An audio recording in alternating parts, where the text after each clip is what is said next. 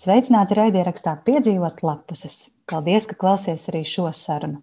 Es esmu Maija, un es turpinu sarunāties ar lasītājiem, ar cilvēkiem, kuriem grāmatas ir ļoti, ļoti tuvas. Un šodien, eh, manuprāt, man ir ļoti, ļoti skaista viesņa. Un, uh, man vienkārši ļoti fascinē un iepriecina šis projekts, ko, ko mana sarunbiedrene ir radījusi. Es šodien sarunāšos ar Annu Iltneri. Un, uh, ja tu klausītāji vēl nezini, kas ir Anna Iltnere, tad lūdzu atver Instagram un ieraksti tur meklētājā Sea Library. Un, tu redzēsi, cik skaistu projektu ir radījusi Anna. Un, tad es teikšu, čau, Anna! Čau! Prieks dzirdēt tevi. Prieks, jā, mēs beidzot esam satikušās raidierakstā. Jā, kā mēs tikko aizkadrā, aiz ēterā norunājām, ka pirms gada, 30. oktobrī, es tev rakstīju pirmo ēpastu. Tā kā gandrīz, jā, gandrīz jau gads ir garām, un nu, mēs beidzot tiekamies un runājam un, un sarunājamies par lasīšanu un grāmatām. Vispirms personīgi tev vēlreiz komplimenti par jūras bibliotēku. Tas ir kaut kas tik vienkārši brīnišķīgs un interesants, ko tu esi radījusi. Es arī palasīju šo te rakstu. Jau tad lasīju, un, un tagad vēlreiz ieskatījos, ko tu man toreiz pirms gada atsūtīji. Ir vesels raksts par tevi, intervija ar tevi angļu valodā. Es noteikti šīs sērijas sarunas aprakstā ielikšu arī saiti, lai klausītāji var palasīties. Varbūt mēs visu neizrunāsim, iespējams, tur ir kāda vēl doma iekšā, ko, ko ko ir vērts izlasīt. Bet jā, jūras biblioteka, kā šobrīd, kā šobrīd iet jūras bibliotekai? Tajā rakstā bija minēts, ka tavā bibliotekā ir 600 grāmatu par jūru, par jūras tēmu. Kā ir tagad? Vai kaut kas ir nācis klāt, vai, vai varbūt lasītāji ir paņēmuši un nav atdevuši grāmatas? Uh, nu, tieši vakar saņēmu 660. grāmatu. Un, uh, jūras bibliotēkai iet ar katru gadu ar vien. Nu, nevarētu teikt, ar vien labāk. Man liekas, ka tas ir bijis interesanti jau no pirmās dienas. Bet, eh, jā, grāmatas nāk klāt, grāmatas ņem un lasa. Un, uh, palēnām preses uzmanība arī uh, palīdz lasītājiem atrast mani. Līdz ar to grāmatas tiek lasītas, un principā tas ir mans galvenais uzdevums, lai grāmatas lasa, lai viņas nesēž plauktā, lai viņas virina, ļauj viņam stāstīt. Tāpēc, ja, jebkura kustība, kas palielina lasītāju skaitu, man tikai priecē. Mm -hmm. Jā, man arī patīk eh, teikt par grāmatām. Eh, es bieži vien aizdodu grāmatas, un tad uh, daži lasītāji ļoti satraukušies, vai es tur nenoskrāpēju vāciņu, vai, vai, vai es ceru, ka es tev atdošu tādu pašu, kā paņēmu. Es saku, lasi, neuztraucies, grāmatai ir jābūt mazliet nobražātai, un, nu, tā, ja tā ir sterila un ļoti, ļoti tīra un glīta, tad visticamāk ir tikai vienreiz varbūt izlasīta, bet grāmatai jau jābūt apritē, tad tā dzīvos un tās domas dzīvos. Uh, Jā, nu man ar bibliotēku līdzīgi, parasti cilvēkiem īpaši tas vārds bibliotēka liecina, ka grāmata ir jā, tiešām, kā tu saki, sterili jādod atpakaļ. Un pat sākumā, pašā, pašā sākumā es kā liku tādas plēves vāciņas, bet man likās, tas tā kā cimdus vilkt visiem lasītājiem, ka es vairs nelieku tos vāciņus un, un, un tieši priecājos, ja ir atlocīti stūrīši, kāds kafijas treps, smiltis starp lapām, tas viss piedarās pie lietas, jā. Smiltis starp lapām droši vien jūras bibliotēkai ir ļoti iederīgi. Jā. Tas ir skaisti. Nu, bet pastāsti, nu, vispār šis stāsts, es, es, protams, šo to esmu lasījusi, un, un mm. tikko, man liekas, pagājušajā ir žurnāli, ir numurā, bija, bija rakstīns par tevi un arī interesantas domas. Bet pastāsti arī mūsu klausītājiem, kas tagad klausās un varbūt pirmo reizi dzird par tādu jūras bibliotēku. Izstāst savu stāstu. Man liekas, ka tas ir tik aizraujoši. Vienkārši vienā dienā ņemt un izlemt, un nu, varbūt tas nebija vienā dienā, visticamāk, bet uh, radīt uh, savu pasauli burtiski no jauna un jūras krastā pastāst sīkāk, kā tas viss Jā, nu, tas, tas ceļš, principā, ir bijis diezgan ilgs, un uh, nebija tā, ka man uzreiz būtu doma par bibliotēku uh, vai, vai, vai jebko publisku. Uh, Nu, jā, viss sākās ar to, ka es kā, mainīju to savu dzīves virzienu, pametu pilsētu, pārcēlāmies ar ģimeni uz jūrmalu. pie tam ne uz jūrmālas tādu vēsturisko centru, bet tādu nomaļāku vietu un, un, un savvaļāku vietu. Un uh, sakrita, ka pēc laika man bija dekrēts, tā ir tāda brīvbiļete uz, uh, uz kādu citu laika ritmu, ja neskaita maza bērna kopšanu. Un, uh, un jā, manas ratu pastaigas arvien biežāk ved uz jūru, kas nav gluži man pie mājām. Tā ir ar kājām lēnā garā 40 minūtes, jo es dzīvoju vienā no platākajām jūrmālas vietām pie upes, līdz ar to taisnā ceļā velkot pa karti, tur ir 40 minūtes. Un, un laika gaitā, jā, pirmkārt, atgriezās manā dzīvē lasīšana, kas bija uz ilgu laiku kaut kā darbos un mācībās um, transformējusies par kaut ko tādu profesionālu un obligātu. Un um, lasīšana, jūra un jautājums, kādēļ es visu laiku dodos turp. Kas, kas ir tas, kāpēc, un ne tikai es, kāpēc cilvēkiem tas iemieso kaut ko tādu tādu vai nu sapni, vai, vai kas tur ir tāds. Un tad, kad man sāka izsikt pašai vārdi, ko pie jūras sev teikt, skaista, um, skaista, ja? vārdi beidzās. Un, uh, un tad es sāku vienkārši meklēt kaut kādas grāmatas. Un, un tad, kad es atklāju, ka to, tās nav tikai dažas, ka tur ir dažādas žanri, dažādi laiku, perioda grāmatas, daļratūra, biogrāfijas. Tad es sapratu, ka tur, tur ir nu, kaut, kaut kāda ideja sāka man pavērties. Es pilnīgi atceros tādu vienu mirkli, kad es ceļā no jūras pēkšņi man radās doma par tādu grām, jūras grāmatu vietu pie jūras. Man liekas, nekas brīnišķīgāks nevar būt. Pilnīgi tāda vienkārši skaista ideja. Un sākumā tā bija doma par, kā, par grāmatnīcu pludmalē. Bet nu, tas ir diezgan nerealizējams sapnis. Un tad man kāds ieteica, ka varbūt vajag kaut ko vai nu kādu grāmatu klubu vai kaut ko, nu, kamēr es eju uz to nesasniedzamo sapni par grāmatnīcu jūras krastā, tad uh, sāku kaut ko ātrāk. Un man bija savāks jau desmit, uh, nevis desmit, bet simts, simts grāmatas. Un um, man draugi un radinieki vairs viņas neņēma pretī. Es sapratu, ka man ir kaut kā jāatrod, ir ko vēl dalīties. Uh, Un tā es tā vienkārši aizvēru acis un atvēru durvis. Jo nu, skaidrs, ka bija bailīgi. Likās, ka visi cilvēki atnāks, paņems visas simts grāmatas, un ar to mans projekts arī beigsies. Bet uh, arī tajā brīdī izveidoju sociālos tīklus, gan Twitter, gan Instagram, kas kaut kā uzreiz sasniedza ļoti tāls, tāls ausis. Un notika tas, ko es negaidīju. Nevis tas, ka nāca un viss paņēma, bet sāka sūtīt. Jo tā doma, ka tā ir atvērta vieta, tā, tā ideja par jūras uh, bibliotēku pie jūras, uh, nostrādāja pilnīgi pretējā virzienā. Un kopš tā laika nemitīgi plūst grāmatas šurp no visādām valstīm, gan rakstnieku, gan vienkārši jūras cienītāju. Un plūst arī paši lasītāji no visas pasaules. Daži pat speciāli dodas uz uh, Um, ciematiņu Lielupas krastā, lai būtu bijuši šeit. Un, un, un tas, jā, tas pilnībā izvērtās par kaut ko man ļoti neplānoti, negaidīti. Vēlme padalīties ar savām grāmatām izvērtās par kaut ko negaidītu. Nu, es taču teicu, ka skaists stāsts, vai ne, klausītāji? Man tiešām tas ir tāds tieši sapņa piepildījums. Domāju, ka katrs grāmatnieks Daudz grāmatnieki sapņo rakstīt paši, daudz grāmatnieki noteikti sapņo par savu mazo grāmatnīciņu, kuru varētu pārdot ļoti īpašas grāmatas, kas pašiem patīk.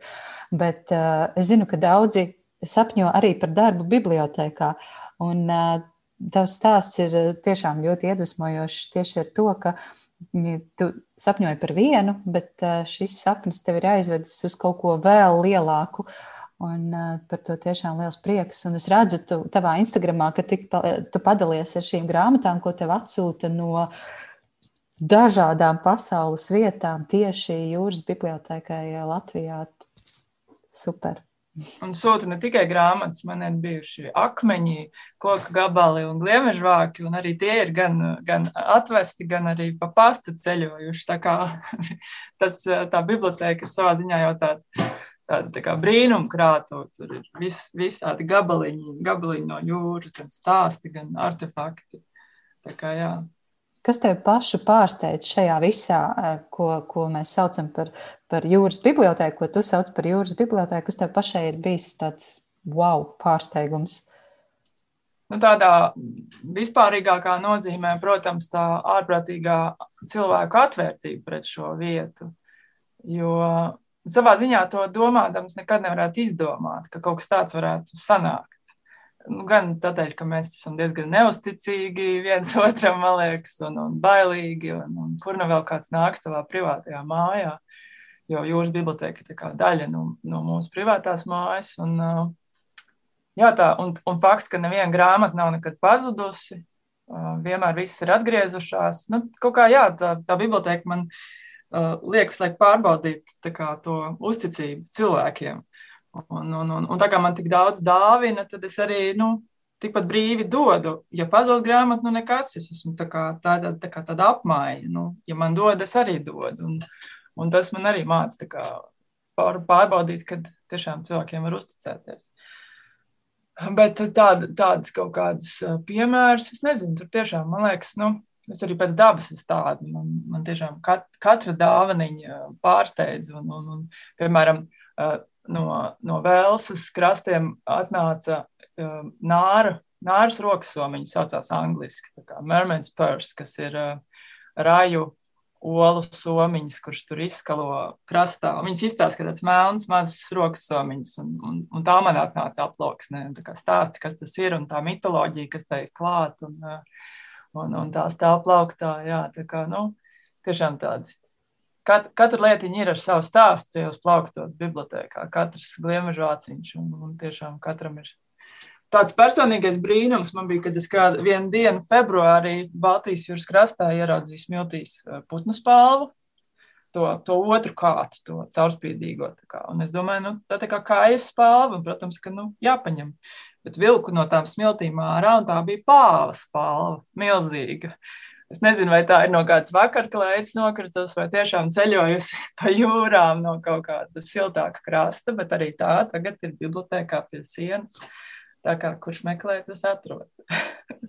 Tad ir izveidojies tiešām tāds jūras muzejs, vairs ne tikai biblioteka, bet muzejs. Tur droši vien par katru lietu ir stāsts un, un vesela, vesela, jā, vesela grāmata var sarakstīt par katru lietu tavā bibliotekā. Bet eh, kā ir, kā, kā ir tieši ar grāmatām? Eh, kā tu atlasi grāmatas? Kāda, kāda nosacījumi, eh, kādiem nosacījumiem jābūt, kam jāpiemīt grāmatai, lai tā nokļūtu un varētu atrasties tavas bibliotekas plauktā? Zili vāki, jūra nosaukumā, kas vēl? Labi, zila vāki ir arī citām grāmatām.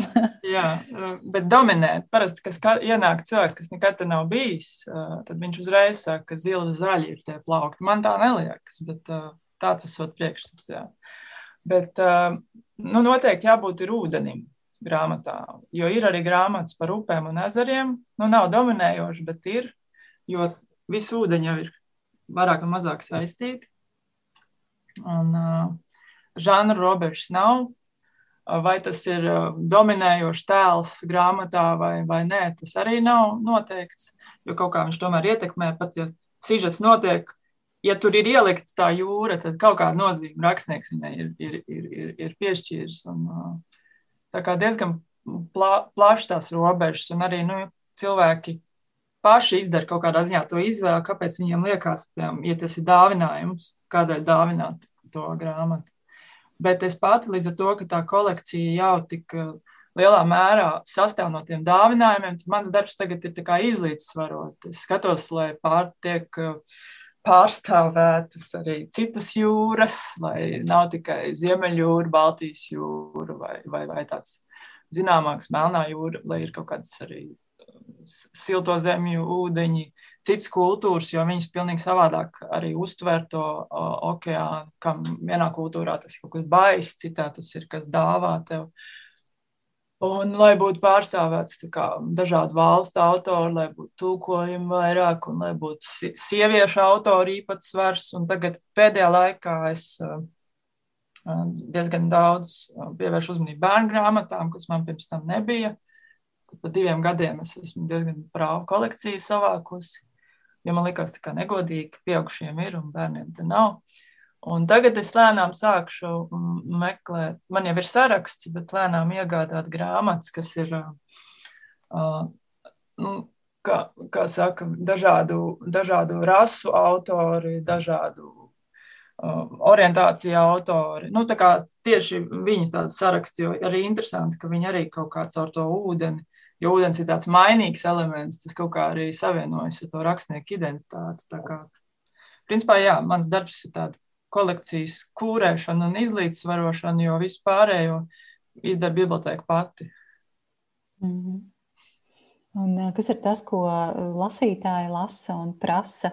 Labi, viņi nāk, viņi zina, uz kurieni viņi nāk. Pa lielam es tā pieņemu, un zina apmēram, ko tur var sagaidīt. Bet varbūt ir kāda ļoti populāra grāmata tavā bibliotekā, kuru ņēma regulāri. Rindas ir tavām grāmatām, jo parastās bibliotekās ir dažas atsevišķas ārkārtīgi populāras grāmatas, kur tur pats cilvēki sastājušies rindā. Jā, nē, nu, tas ir reti. Um, jo kaut kā tas uh, lasītāja lokus ir ārprātīgi dažāds, jo arī grā, nu, tās grāmatas ir, ir tiešām zinātniskas. Ir bijuši pie manis pētnieku pāris, vīrs un sieva, bija, kas pētīja straumes. Uh, tad viņi meklēja visas grāmatas, kas ir par straumēm un par nu, tieši tādu zinātnisku aspektu. Tad ir cilvēki, kas, kas tieši grib Man ir viena Anglijā lasītāja, kas nekad nesaka konkrēti grāmatas, viņa pasaka, ko apmēram viņa grib. Un tad viņai vienmēr ir tāda, lai ir, lai ir romantika, lai ir piedzīvojums, lai ir kaut kas drusku bailīgs. Un tad es meklēju tieši daļratūras sadaļās, visādas grāmatas, kuras viņai var sūtīt reizes divos mēnešos, mm, aizsūtīt viņai kādu grāmatu. Un, uh, Jo, jā, tas tie plaukti jau arī rindos, tur tā jūra ir tik dažšķautņaina, var, var atrast poētiskos uh, darbus, var atrast zinātniskos, bioloģiju, dzīvniekus, putnus, uh, zemūdens pasauli, sērferi. Man nav diezgan daudz, bet ir arī kolekcija ar sērf, sērferi, vai nu tā ir daļliteratūra, vai, vai, vai kaut kādas monogrāfijas, bet jā, tā kā Līdz ar to tie lasītāji ir tikpat dažādi. Un, un, un, un, un drīzāk ir tā, ka ir, ir lasītāji, kas kā, pēc vienas grāmatas atnāk, un ir tie, kas tiešām jau lasa vienu pēc otras. Tā varbūt tā, tā var nodalīt. Mm. Un kurš tev pašai ir mīļākais plauktiņš tavā bibliotekā? Nu, uh, ir tas plaukts, ar ko sākās biblioteka. Tas man ir uh, tādēļ mīļš. Tur ir uh, uh diezgan viņš tāds eklektisks liekas, bet tur grāmata ved vienu pie otras. Līdz ar to viņš tā kā viens plauks tur sākās ar, ar, ar Homēra eposiem, jo man likās, ka jāsaka ar visvecāko pieejamo grāmatu. Bet viņš, tas Odiseja man aizved pie Ulisa, pie Joyce Ulis, jo tur arī pamatā ir ļoti nehronoloģisks lēciens. Un Ulis savukārt man aizved uz 20. gadsimtu Parīzi. Tur ir Silvija Bīča, kas atvēra Šekspīrs un kompāniju grāmatnīcu, kurā, var teikt, uzauga uh, Hemingvejs, un, un, un tur bija Joyce un, un viss vis tā pasaule. Un, uh, tas ir man tāds mīļš plauktiņš. Un tad ir uh, Mobijs Diks un grāmatas, kas ir par un ap viņu gan netiešā vai tiešā veidā, bet es viņus visus lieku vienā plauktā. Tas arī tāds, man liekas, neizsmeļams iedvesmas avots mūsdienu māksliniekiem, rakstniekiem. Un, un tie divi ir tā tādi. Viņi arī atrodas, nu, neviens teikt, neredz, laikam, bet apmēram tā. Šeit ir tas sākums, un tur ir tas augšējais plaukts, ir tas uh, otrs mīļākais. Mm -hmm. Bet, uh, un bērnu grāmatas, tā man ir pilnīgi tāda neizsmeļama ādara. Vienmēr iekrīt gan zīmējumos, gan, gan lasīt kopā ar puikām. Un, tā kā jā, laikam nav viens atbildes. mm. Jā, nu es, es varu iedomāties, bērnu grāmatās noteikti ir tik daudz radošuma un, un tā jūra ieraudzīt un attēlot krāšņi un dažādi. Un, uh, Man arī, es eh, arī tieši tāpat kā tu mīlu bērnu grāmatas, un tad eh, es pieņemu tā cenšos iedomāties, cik tas viss ir skaisti un krāšņi tur tajos plauktos pie tevis tieši bērnu, bērnu literatūras plauktos. Hmm. Tu teici, ka kādā brīdī lasīšana tev bija kā tāds pienākums, darba pienākums, nevis prieks. Bet kā tu sāki lasīt, ja tu atceries paš, pašus aizsākumus, bērnību, agrāku jaunību? Jā, kā, kā veidojās tās attiecības ar grāmatām, ar lasīšanu? Es tieši nu pat pirms intervijas trešais pēc mammai pārjautāju, vai tā kā es atceros, jo bērnam ir kaut kāds atmiņas, bet varbūt tā nav. Bet jā, viņa apstiprināja, jā, kad es iemācījos lasīt trijos gados, man iemācīja vecmāmiņa. Un uh, viņas bibliotēka, sanāca, ka viņa dzīvo, tajā brīdī mēs dzīvojām pie viņas, bet visu līdz pat pusauģu gadiem un vēl vēlāk viņa dzīvoja tikai kvartāli no manis. Man vienmēr bija atslēga, Un viņai viena siena bija pilna ar grāmatām. Un pat ja viņa nebija mājās, es zināju, ka es varēju iet, paņemt kaut ko. Un, un tā, tā bija tāda man svarīga biblioteka manā dzīvē. Un arī jā, viņa iemācīja lasīt. Un, un pēc kaut kāda gada es atceros brīdi, tā ļoti konkrēti, kad es iemācījos lasīt domās. Un es pat skrēju mammai, teikt, bet viņa runāja pa telefonu, jo to laiku telefons bija pa brīvu, un visu laiku cilvēki runāja pa, tāpat kā šodien, visu laiku karājās klausulē. Un, un es nevaru viņai izstāstīt, man liekas, tas ir tik fenomenāli spēja, ka neviens tā kā nezinās, ko es lasu. Un tā bija tāda, man liekas, tāda bērnam tādas savas kaut kādas iekšā ko telpu atvēra. Un to es tiešām ļoti, ļoti atceros, kad es pēkšņi varēju lasīt domās, slepeni no jebkuriem, jebkura. Bet, nu jā, es uzaugu mākslinieku ģimenē, visi glaznoja, taisīja mākslas darbus no īpatnējiem materiāliem. Un, un, bet es vienmēr esmu lasījusi un rakstījusi. Un, un, un, un, un, un tā arī, jā, man pat ir, es atradu, krāmējot veco istabu, izkrāmējot ārā, es atradu blociņu padomu laiku, kurš saucās Mana bibliotēka un tur iekšā var sarakstīt savas grāmatiņas, gadu izdevēju, un es tagad viņu svinīgi atvedu uz jūras bibliotēku, jo viņa bija tukša. Tā, tas blociņš bija tukšs, un tagad raksta iekšā tiešām savas bibliotēkas. Tā kā par un ap grāmatām visu bērnību ir bijusi pašai. Un, uh, bet jā, un tad es kļuvu par mākslas, mākslu savienoju ar rakstīšanu, kļuvu par mākslas apskatnieci. Un mākslas žurnālisti. Tad tas darbs bija kaut kā tik strauji, ka viss, ko varēja lasīt, bija profesionāla literatūra. Kad studēju filozofiju, tad tur bija gana ko lasīt, un tas viss kļuva par tiešām tādu vienkārši paspēt, izlasīt, uzdot tos. Un, un, jā, un tas brīdis, kad es visu pametu un nezināju īsti, ko darīt tālāk, un tad domāju, es ļaušu, kur es gravitēšu, uz kuru nu, tiešām pilnīgi brīvi ļauts, kā, kur nonākšu. Un tomēr visu laiku kaut kādas grāmatas meklēju, beidzot lasīju to, ko, to, kas tiešām interesē un gribējās. Oh, tas, tas ir tik interesanti ar to blociņu, un, uz kura ir uzraksts mana biblioteka. Nu, pilnīgi tā kā pareģojums nākotnes sanāca. Bet tā jau ir, ka, nu, kā saka, vajag pavērot bērnus, ko viņi dara tajos trijos, četros, piecos gados, kā viņi spēlēs, ar ko viņi aizraujas, un tā būs tā viņu īstā uh, profesija nākamā vai, vai nā, nākotnes ceļš. Un redz, kā tev tā, tā tas arī ir izdevies, sanācis. Jā, tad pārsvarā visi būtu trolēbuši šoferi un pārdevēji. Mana meita laikam būs paleontoloģija. nav, arī nav slikti. Jā, bet trīs gadi tas ir ļoti āgrs vecums, manuprāt. Pirmais vārds bija cīņa. Cīņa. jā, nu, avīze, avīze cīņas izburtoja vārdu. Jā, wow, pēc wow. virtuvē. Bet, un, un, un tas par to lasīšanu domās, tā ir tiešām superspēja. Tāpēc, ka es, es atkal savukārt ļoti spilgti atceros, kā es lasīju, un es lasīju skaļi, un mamma ar tēti grib skatīties televizoru, un viņi saka, lūdzu, lasi domās, lūdzu, lasi domās, bet es nevaru. Es kaut kādu minūti spēju sakoncentrēties un lasīt tajās domās, un tad man atkal ir jābur to līdzi. Un tā kā jā, Tā ir svarīga superspēja un, un noteikti jāatzīmē kalendārā, tad, kad tā ir iegūta.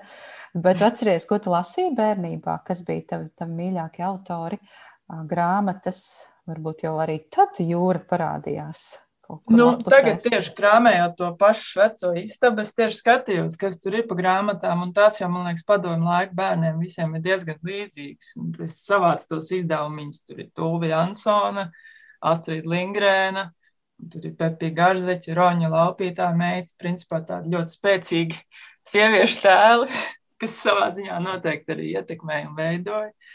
Un, nu jā, man liekas, tās arī ir tās spilgtākās grāmatas. Es vēl atceros, bet es nevarēju tagad atrast to grāmatu, jo kāpēc, bet es šausmīgi spilgti atceros, bet tie jau bija kaut agrie pusauģi gadu Montasumas meita. Bet es nevaru viņu atrast, lai apstiprinātu, par ko viņa īsti bija. Es atceros, ka bija atsteki, tur bija kaut kāds sirds izgriešana, varbūt tāpēc. Bet es šausmīgi spilgti atceros to grāmatu Montasumas meita. Es pat neatceros autoru, to es nepaspēju apskatīties. Hmm. Bet, bet tā ir tāda atsevišķa epizode. Bet, principā, jā, man te uz galda arī paņēma Pepija Garzeķi, un, uh, kur sākās tieši ar, arī atvēru, sākās ar rindiņu, kad, kad mazas pilsētiņas nomalē atradās nolaists dārs, un dārzā bija veca māja. Un tā apmēram tā izstījās, ka mēs te ievācāmies no Rīgas. Veca neapkurināta mājiņa, simtsgadīga, kur nav paredzēta ziemai, un mēs ievācāmies tieši pirms ziemas ar divgadīgu puiku. Un uh, pametām Rīgas dzīvokli un uzsākām savu piedzīvojumu. Tā kā var jau būt tas viss tajās grāmatiņās ir iekodēts, ka tu tiecies pēc tā dārza, uh, mājas ar dārziņu un vēl vajadzētu to zirgu pētīs, to pumpaino. Jā. Kā, kā tu uz, uztver Pepiju Garzeķi, kā tu atceries viņu bērnībā, tad, kad tu lasīji, varbūt es pārlasījusi tagad, pieaugušā vecumā, kā tu viņu redzi. Jo es tikko, nu jā, šodien laikam sarunājos ar Ivetu Troliku, kas ir grāmatas tūlīt paliks labāka autore, un mēs arī runājām par Pepiju Garzeķu, jo Protams, mēs visi tajā laikā lasījām vienas grāmatas, tajā laikā bērnībā, jaunībā. Un, un Iveta stāstīja, ka izrādās tā pepija nesot nemaz tik jauka bijusi, kā, kā varbūt sākumā licies, un mēs to pārnājām. Kā tev, kā tev iet ar pepiju? Es arī tieši gada sākumā pirmo reizi izlasīju par Lingrēnas dzīvi. Es neko par viņu nezināju. Tūbi Jansona kaut kā bija tāds zināmāks tēls, bet pati Astrīda Lingrēna, es izlasīju viņas biogrāfiju un tad arī ar citām acīm skatos. Bet jā, es pārlasīju Pepiju. Un man likās ļoti skumjš stāsts īstenībā. Un tur ir tā aina, kur viņa tā kā dzimšanas dienā uh, nopuš tās secīt. Nu, tā tā vēlme palikt mūžam jaunam, mūžam tam, tam bērnam, un ka viņa nopuš secītas un ka viņa tā kā pati pazūd nu, tur nu, kaut kā nezinu, tiešām caur to Astrīdas eh, arī to biogrāfiju, ka viņa arī vienmēr bijusi tāds, nu, vienmēr spēlējusies ar bērniem vēl līdz um, sirmam vecumam. Un, uh, jā, kaut kā pilnīgi savādāk, bet nu, bērnībā tā nelikās. Bērnībā likās ļoti jautri. Bet tagad tu lasi, jā, tā bērns viens pats tur mājās. Mm -hmm. Bez mhm. vecākiem visu laiku izdomā tos attaisnojumus, lai neskumtu. Un, bet, nu, varbūt nav jāpārlasa bērnu grāmatas, tad, tad ierauga kaut kā savādāk. Mm, laikam, Bet arī tas stāsts, ka viņa bija to stāstu atcerējusi savai, savai meitai, kuru slimoja ilgi. Tad tā kā sāka stāstīt viņai šo stāstu par Pepiju Garziķi. Un beigās tapa grāmata. Nu, arī tas stāsts, kā top grāmatas. Ja, stāsts savam slimajam bērnam, lai viņš tā kā justos labāk, stāst trakus stāstus. Mm. Un top pasaules slavena klasika.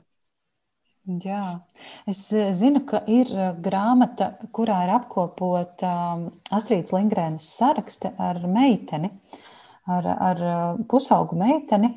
Viņas ilgus gadus, ļoti ilgu, ilgus gadus savstarpēji sarakstījās. Viena otrai rakstīja vēstules, un tad, tur ir tās meitenes visādi pārdzīvojumi. Savukārt Astrīda Lingrēna raksta par viņu par, par sevi un, un savus ieteikumus un savu redzējumu. Uh, es, latviski, protams, tas nav nekas tāds tulkots, bet, uh, manuprāt, būtu interesanti palasīt. Uh, jā, šis Astrīdas Lingrēnas, šī personība, kas arī tāds nepieaudzis, nepieaudzis jauns cilvēks ir līdz pat mūža galam, man liekas, līdz galam nepieaudzis. Jā bija tāda aina tajā biogrāfijā. Nu, es arī, protams, jebkurā grāmatā, kuras lasu, meklēju to jūru. Un tur bija tā aina, ka viņa jau vecākos gados, ka viņai izoperēja nierakmeņus laikam. Un tad viņi viņus tā kā tādus, nu, tos akmentiņus tā kā paņēma līdzi, aizbrauca uz savu, viņai bija tāda mājiņa, nostāk no pilsētas tieši pie, pie, pie, Bal pie Baltijas jūras. Un, ka viņi meta viņus ūdenī un skaitīja kaut kādu pašacerētu pantiņu. Ej prom, tu jaunais nierakmeņa. Viņai bija kaut kāda, nu, diezgan daudz gadu, man liekas, pār pa 80 vai 70. Tā kā, jā, man liekas, ļoti spilgta personība. Es pieņemu, ka tu lasi, lasi ikdienā daudz, par to mēs vēl parunāsim, par, par ikdienas lasīšanu un to, ko tu tagad lasi, bet kā ir ar rakstīšanu, vai, vai tu arī varbūt kaut ko rādi un raksti pati senos laikos, tā tad bija mākslas apskati un, un recenzijas, bet, bet kas, kas top šobrīd vai top un, un kādā formātā? Nu jā, principā tās jūras bibliotēka aizved arī man pie rakstīšanas, jo es biju nolēmusi, ka es vispār nekad mūžā nerakstīju. Es biju ļoti noguris no rakstīšanas, domāju, kaut ko citu darīt. Bet uh, tas jūras bibliotekas neaptveramais stāsts uh, daudzus ārzemēs uzrunāja. Un tad es uh, 19. gada beigās uzrakstīju, pas, nu, tā kā man pasūtīja uzrakstīt rakstu, kā tā pa bibliotēku. Bet kaut kā tas raksts, ja tā bija tā pirmā atgriešanās pie rakstīšanas, un es uzrakstīju, tad, principā, daļai savu dzīves stāstu. Uh, un, un, un kaut kā viss tas salikās kā puzles gabaliņš, kur tā jūras biblioteka tā kā tāds nenovēršams virziens, uz kur, kurus ai, ai, aizdevos. Un, uh, un šis raksts kļuva par pamatu uh, aģentam Londonā, kurš, kurš kaut kā apusē mēs izlēmām, ka ir jārada grāmata uz tā raksta pamata. Un, un, un, bet, nu, tad bija pandēmija, un viss ļoti lēnām gājis. Bet, jā, nu, topa grāmata par to, kā es līdz tam nonācu. Un kaut kā tas arī pandēmijas laiks tikai pastiprināja to nepieciešamību to uzrakstīt, jo tas savā ziņā ir stāsts par tādu savas pasaules radīšanu. Un, un, un pandēmijā mēs visi tā nonācām tādās mazās pasaulītēs un, un, un izjutām kaut kā to to, to, to kontrastu starp ārpasauli un iekšpasauli, un, un, kam tas bija grūti, kam viegli. Bet, jā, bet, bet ir vēl viena paralēli top vēl viena grāmatiņa, kas, kas top iespējams arī ātrāk. Man uzrunāja viens rakstnieks no San Francisco, Luis Basbī, kuram ir jau vairākas grāmatas. Un vienu no tām es lasīju pašos sākumos, jo tur bija par to, kā radīt grāmatnīcas un tā. Un tā grāmata man iedvesmoja ļoti. Un beigās pats autors mani, mani, mani, mums ceļi krustojās. Un mēs uh, radām grāmatiņu jauniešiem. Uh, tā ir tā kā daļzatūra, bet uh, darbība notiek jūrmalā, darbība notiek jūras bibliotēkā un ir varone Anna. Un ir ļoti jocīgi kā, radīt daļzatūru ar šādiem varoņiem. Uh, Un viņa varonis savukārt ir vecs kapteinis, kurš pamet jūru un sāk dzīvot uz zemes un izkāpj uh, jūrmalā, jo viņam tajā asaros ir, uh, kā tur nu bija, kaut kādā kazino vai kur viņš laimēja mājiņu. asaros, jo viņš ir no pasaules, pasaules jūrnieks, pasaules apceļotājs, bet viņš nemāk dzīvot uz zemes. Tad viņš atrod ceļu uz jūras bibliotēku, ceļu uz grāmatām, Un Anna savukārt ir varone, kur dzīvo uz zemes, ir fascinē jūra, bet viņai ļoti bail no jūras. Viņa nemāka peldēt. Un, un, un, un, tā, un tā šie divi tēli, kā, jo, jo man ļoti fascinē šī robeža. Kā, es dzīvoju krastā, un tā mana jūra, ja tā var teikt, ir šī, šī krastā vērotāja jūra. Šis kontrasts, kur, kur satiekās divas pilnīgi dažādas pasaules, šis ūdens un zeme. Un, un tā grāmata savā ziņā ir notiekušas šīs, šīs robežas. Tā kā jā, tie ir tādi divi, divi, divas, divas rakstīšanas uh, lietas, un, uh, un, un, un tas ļoti ilgi iet. Tiek visu laiku ir, jo tāds, nezinu, kā es neesmu Latvijā tādu apjomīgu grāmatu nekad rakstījusi, bet principā viss tiek, jā, ir, tiek pārrakstīts no pirmās līdz pēdējai lapai vairākas reizes. Tāds uzmetums, principā, nekas nav. Un tā kā, nu, tā, pirma, tā, tā mana grāmata ir diezgan arī emocionāla, un, un tam iziet cauri neskaitāmas reizes, ir pagrūti, es ņemu pauzes. Un, kā, bet nu, es ticu, ka kādu dienu, jā, kādu dienu viņa atradīs izdevējs un, un, un nonāks pie lasītājiem. Varbūt iedvesmos vēl kādu radīt savu pasauli. Hmm. Vienkārši neticams stāsts. Kā, kā, ja cilvēks dara to, ko, tas, ta, to, ko viņam vajadzētu darīt, tad notiek eh, neticamas lietas, brīnumaini neticamas lietas. Bet eh, tās grāmatas tu rakstīji angļu valodā, vai tās dabūsim arī mēs, jā. latviešu lasītāji? Es, eh, jā, nu, tas man liekas, tad ir nākamais etaps, domāt tālāk. Bet jā, tā kā tas viss savā ziņā nāca no, no, no, no, no Anglijas, gan tas piedāvājums, un, un savukārt tā bērnu grāmata tiek sadarbībā ar amerikāņu autoru, tas topā angliski. Un kaut kādā ziņā arī tieši par to savu grāmatu liekas, ka tā valoda man dod kaut kādu lielāku brīvību runāt par personiskām lietām, dīvainā kārtā. Un, bet, eh, bet tas ir, nu, nenoliedzami, ka viņas uh, tiks uzrakstīts arī latviešu, un nonāks arī pie lasītājiem latviešu. Bet uh, tas, laikam, ir jādomā pēc tam. Man tas joprojām liekas diezgan nereāli. Viņi dabūtu vāciņos. Tā kā vienkārši ra raksta nost. Bet uh, tu esi arī Latvijas Bibliotekāru biedrības portālā biblioteka.clv redaktori šodien, šo, šobrīd. Jā, Lat Latvijas Nacionālās bibliotēkas, biblioteka attīstības centra portāls. Mm -hmm. un, un, jā, nu, tas ir nu, kārt, kārtējais stāsts. Kad es, principā, astoņus gadus, jā, viss šis laiks, bibliotēkai ir četri gadi, bet tas laiks prom no visu meklējumu, un, un bija pagāja astoņi gadi kopā. Un kaut kā tieši šajā pavasarī,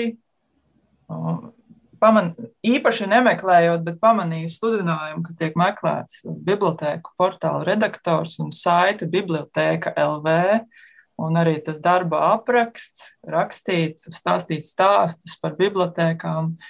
Man kaut kā kārtībā reizē aizvēra acis un, un pieteicos. Un, un, jā, un šobrīd jau, jau divus mēnešus strādāju Nacionālā bibliotēkā staigāju pa tām telpām, brīnos, kā es esmu nonākusi šajā nozarē, ne tikai savā uh, fantāzijā, iztēlē un, un savvaļajā bibliotekā, bet tiešām īstā bibliotekā un, un taustu, drē, tra, taustu nozares drēbi no pavisam citas puses un stāstu stāstus. Jā.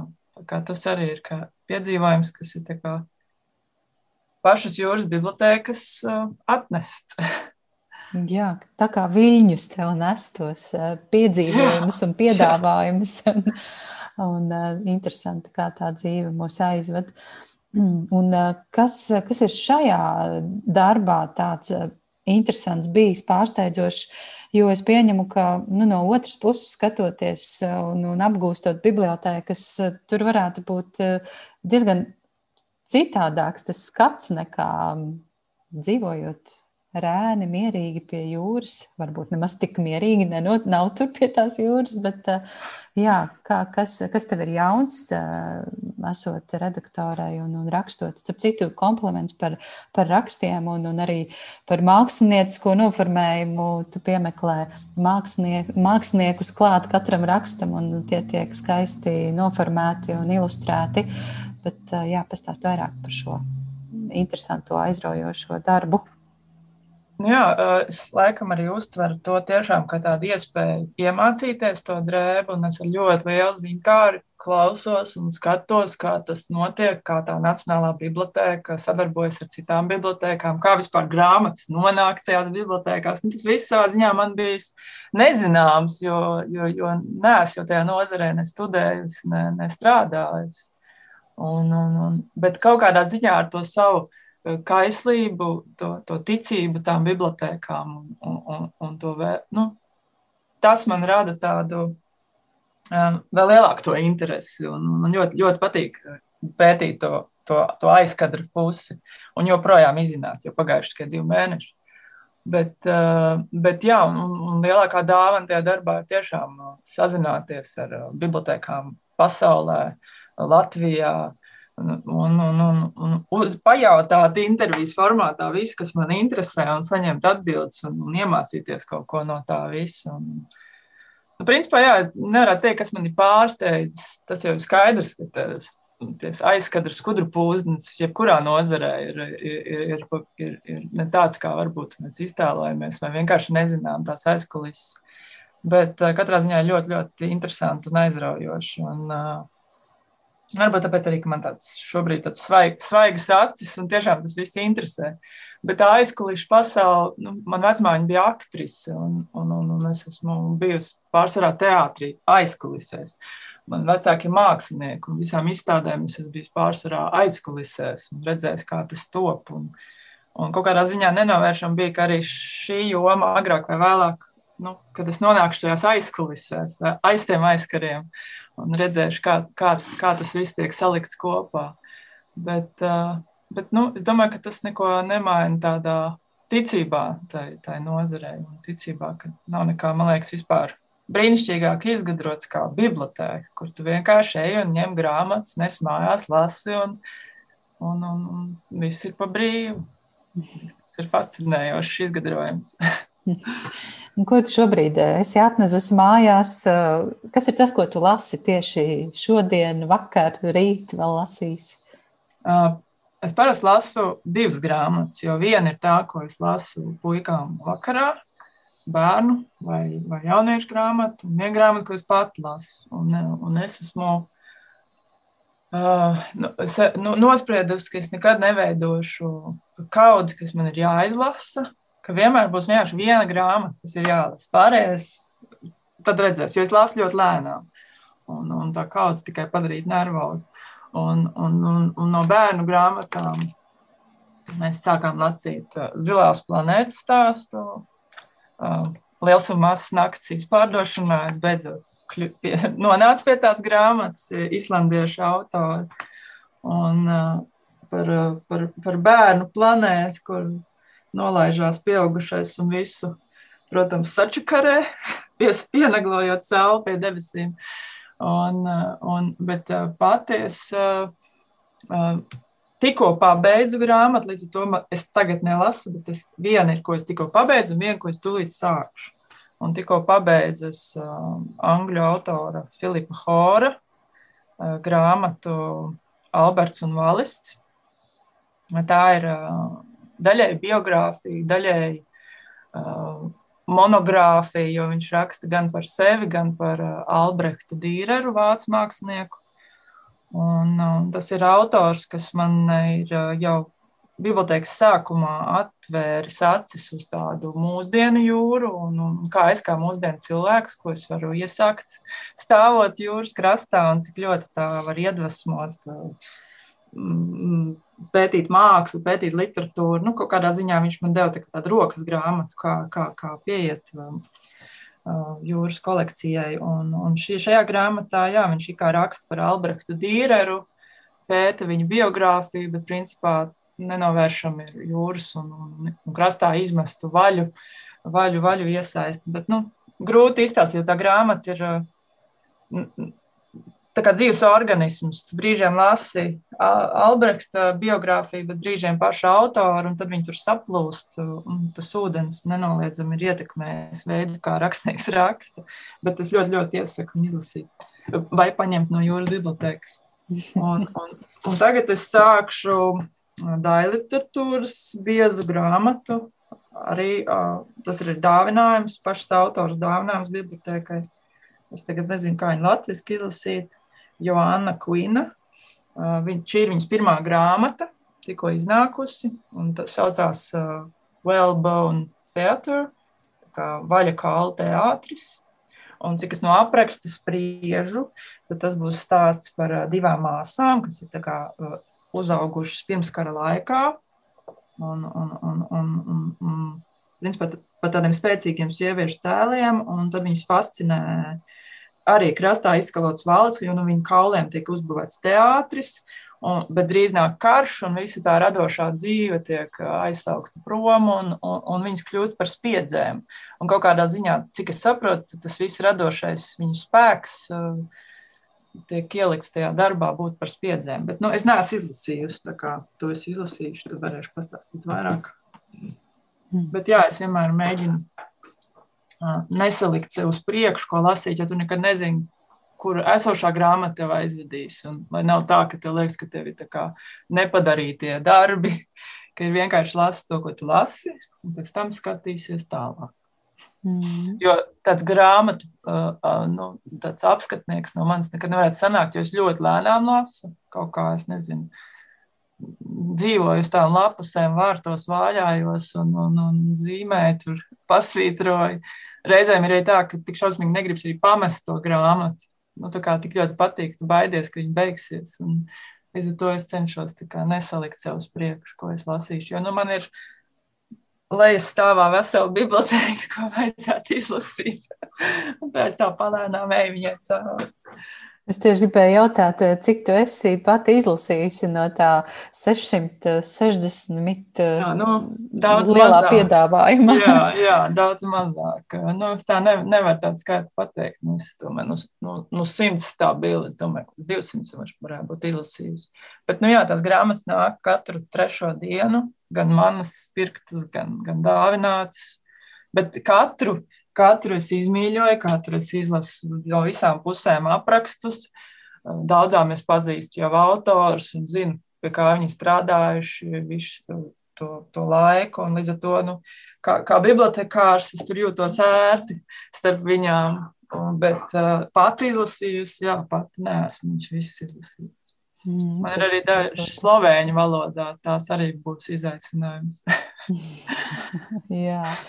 Tas noteikti, nu, tas būtībā droši vien nav īsti iespējams, vai ne, izlasīt Jā. visu, visu, un ar to ir jāsamierinās, un, un tā lēnām pa vienai jā, jāņem uz priekšu un jālasa. Um, kas ir tas, ko tev patīk piedzīvot lapusēs? Uh, tā ir konkrēta sajūta, kaut kas, ko tu varbūt vari vai nevari formulēt vārdos, bet uh, varbūt pamēģini, jā, to savu mīļāko sajūtu raksturot. No pirmkārt autora balsi. Jo katrs autors raksta savādāk, un, un, un, un pārsvarā jau viss ir labi autori. Jā, bet lab, lab, labi autori uzreiz tu šausmīgi sajūti to viņa, kā viņš saliek tos teikumus, kā viņš raksta par vispār zināmām lietām, bet uzreiz tu jūti kaut kā to autoru balsi, autoru to tēlu. Un man ļoti patīk kā, redzēt, kā lasi vienu grāmatu, tur ir tāds, un tu pārslēdzies kaut ko citu. Tur ir kaut kas pilnīgi savādāks. Vai tur tie teikumi sāk kaut kā tur. Tas pilnīgi savādāk skanēt valstīs. Un, un tas, laikam, ir pirmais, ko man vienmēr šausmīgi patīk. Un arī sagaidīt to brīdi, kad tu kā, ar pirmo teikumu reizēm tas nav, un tu lasi, lasi, un, un tu saproti, kāds ir tas, kāda ir tā autora balss. Tas, laikam, ir viens, ko es vienmēr izbaudu. Un, un, un, un, un tāpēc ir arī tās mīļākās grāmatas, ir kaut kāds balss, ka tev ļoti patīk, ka viņas nomierina vai, vai, vai, vai iedvesmo, ka tu atgriezies pie tām, pie tām rindiņām. Un, nu jā, un tad, ir, tad ir kaut kādi tie brīži, tu vienmēr gaidi grāmatā to brīdi. Es vienmēr gaidu, vismaz, kad kaut ko tu izlasi, un tad tu tā, tā kā apstājies un tā vai nu uzliec sev virsū to grāmatu. Nu, kā var tā uzrakstīt? Un vienalga, par kādu tēmu ir tā grāmata un kāda žanra, bet, te, kad ir tas brīdis, nu, tad tas ir tā vērts. Ja, kad tā, oh! un tā pastāv par to grāmatu, un tad turpina lasīt tālāk. Tā kā, nu, tas vien ir tā vērts. Tā. Jā, bet, bet tas nenotiek konkrēt... bieži, vai ne? Jā, jā, un tāpēc tās ir tās mīļākās grāmatas. Cits tur mm. lasa, izlasa līdz beigām, tā arī nebija šī brīža. Mm -hmm. tā kā, jā. Bet tā, kad es meklētu kaut kādas konkrētas tēmas, vai, nu, ja neskaitu, ūdeņi. Ja. Tā, tā nav, jo arī jūras bibliotekas grāmatas ir ārkārtīgi atšķirīgas. Un, un, un, un principā vienīgais, kas viņas vieno, varbūt ir kaut kāda ūdens klātbūtne. Līdz ar to tur daudz ko nāks piedzīvot. Bet jā, autora balss un šie brīži, kad uzliek grāmatu skrūtīm un apstājies lasīt, tie laikam ir tie galvenie, ko es meklēju. Mm. Jā, man arī ļoti, ļoti patīk šī sajūta. Abas divas sajūtas, ko tu aprakstīji, gan pētīt, kā autors ir panācis to, ko viņš ir radījis, ar kādiem līdzekļiem, ar kādiem vārdiem, ar kādiem teikumiem un kā viņš to visu ir uzbūvējis. Gan arī jā, šī sajūta, ka gribas grāmatu apskaut. Jā. Tas ir, tas ir skaisti un tas tiešām tik reti gadās, un tās grāmatas ilgi paliek prātā un atmiņā. Tu minēji vārdu salikumu mīļākās grāmatas, un es nevaru nepajautāt, kas ir tavas mīļākās grāmatas. Jā, nu, svarīgs ir tas autors Filips Hors, jo kaut kā pirms viņa es vienkārši lasīju, Un pēc viņa man radās ārkārtīgi vēlme dalīties ar to, ko es lasīju. Jo pirmkārt, ar viņa grāmatas, man liekas, visiem esmu viņu likusi, likusi saviem tuvajiem izlasīt. Un, un, un, un, un, un, jā, bet uh, tad man ir. Uh, Es nezinu, vai tas ir šis jautājums, bet tu minēji par to zelta, zelta grāmatu. Un, un, un es ilgi, ilgi domāju, un laikam tomēr beigās tas būs tētis un jūra, Tūs Jansons, Mumina. Uh, arī tāpēc, ka es viņu pirmo reizi izlasīju tikai tagad, līdz ar to šai grāmatai, lai arī man ir tā padomju laika kopija arī, bet uh, man nav tās bērnības acis, kādām to grāmatu varētu lasīt. Es puikām mēģināju lasīt priekšā, bet viņi teica, ka ļoti garlaicīgi. Tā kā viņi, ja viņi esot tā grāmata, ka Tūvi Jansona pirmo reizi mēģināja kā, pārslēgties uz to pieaugušo auditoriju, tā grāmata līdz ar to ir uz tādas robežas uh, vairāk nekā citas momenta grāmatas.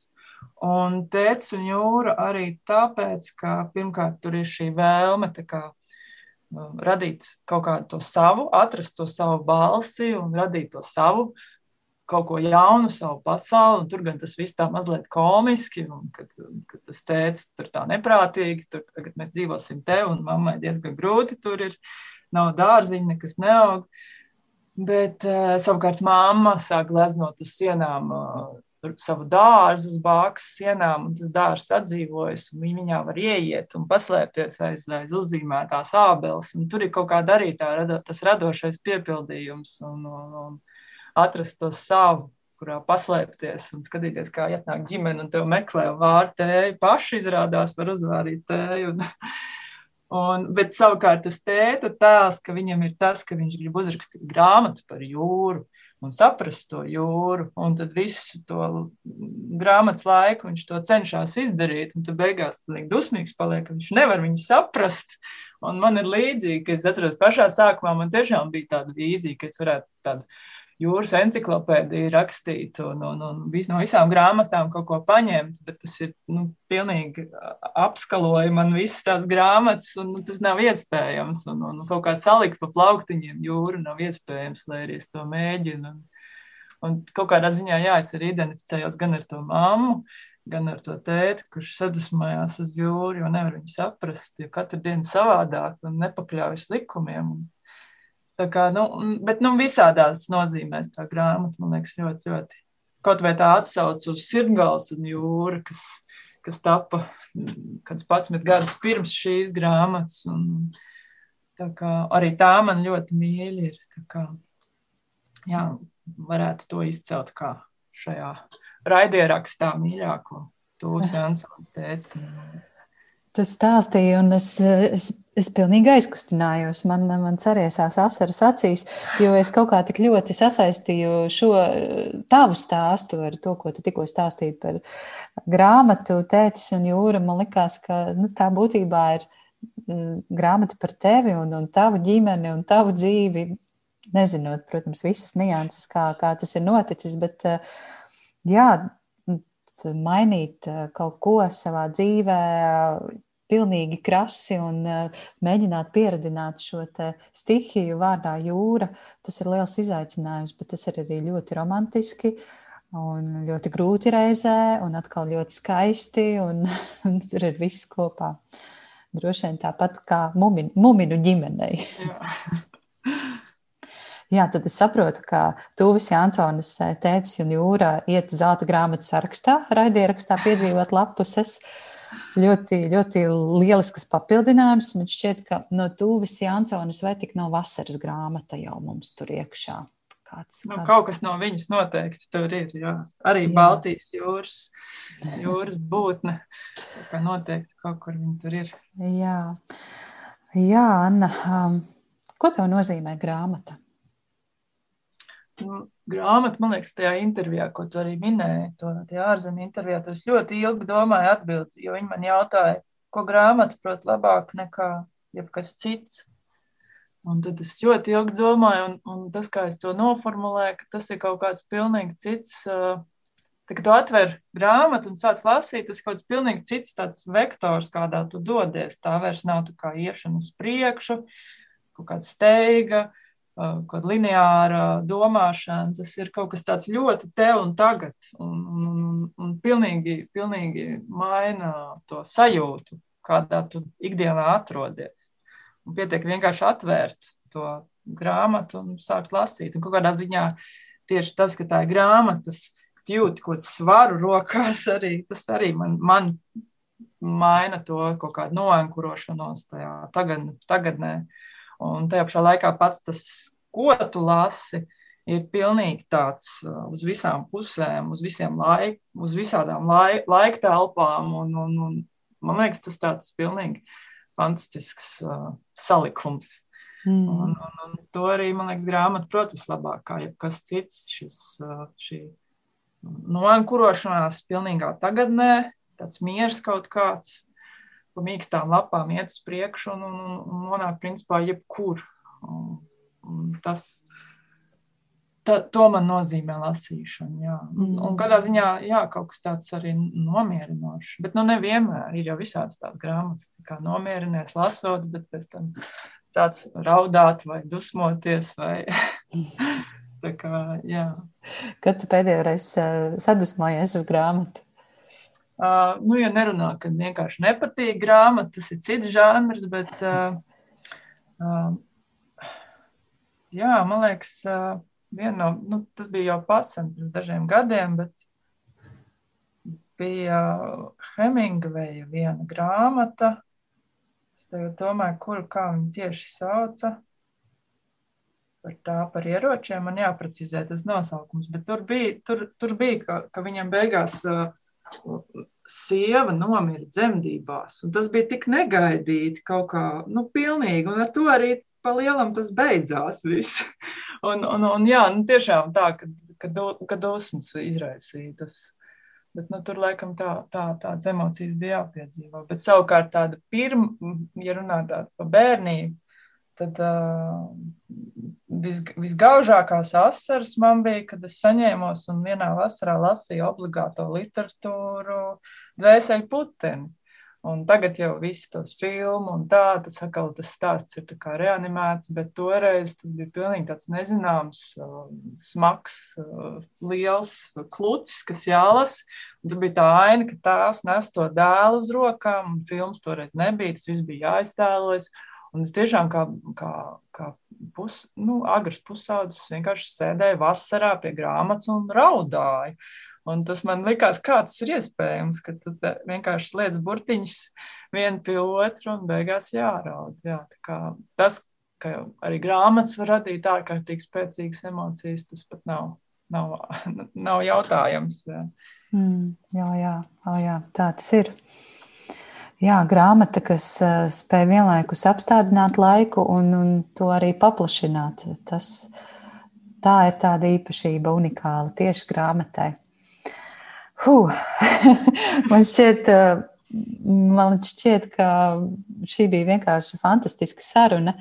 Un es uh, vairākas reizes šīs sarunas laikā Anna pieķēru sevi tādā brīnumainā aizgrābtībā, klausoties tavā stāstā, un, un ik pa laikam arī aizkustinājos un aizdomājos par sevi. Mm, vēl es gribēju pajautāt, kā, kāpēc eh, jūras bibliotekai eh, šis Instagram logo ir tāds dzeltens kronītis, vai arī tie ir viļņi kaut kādi domāti.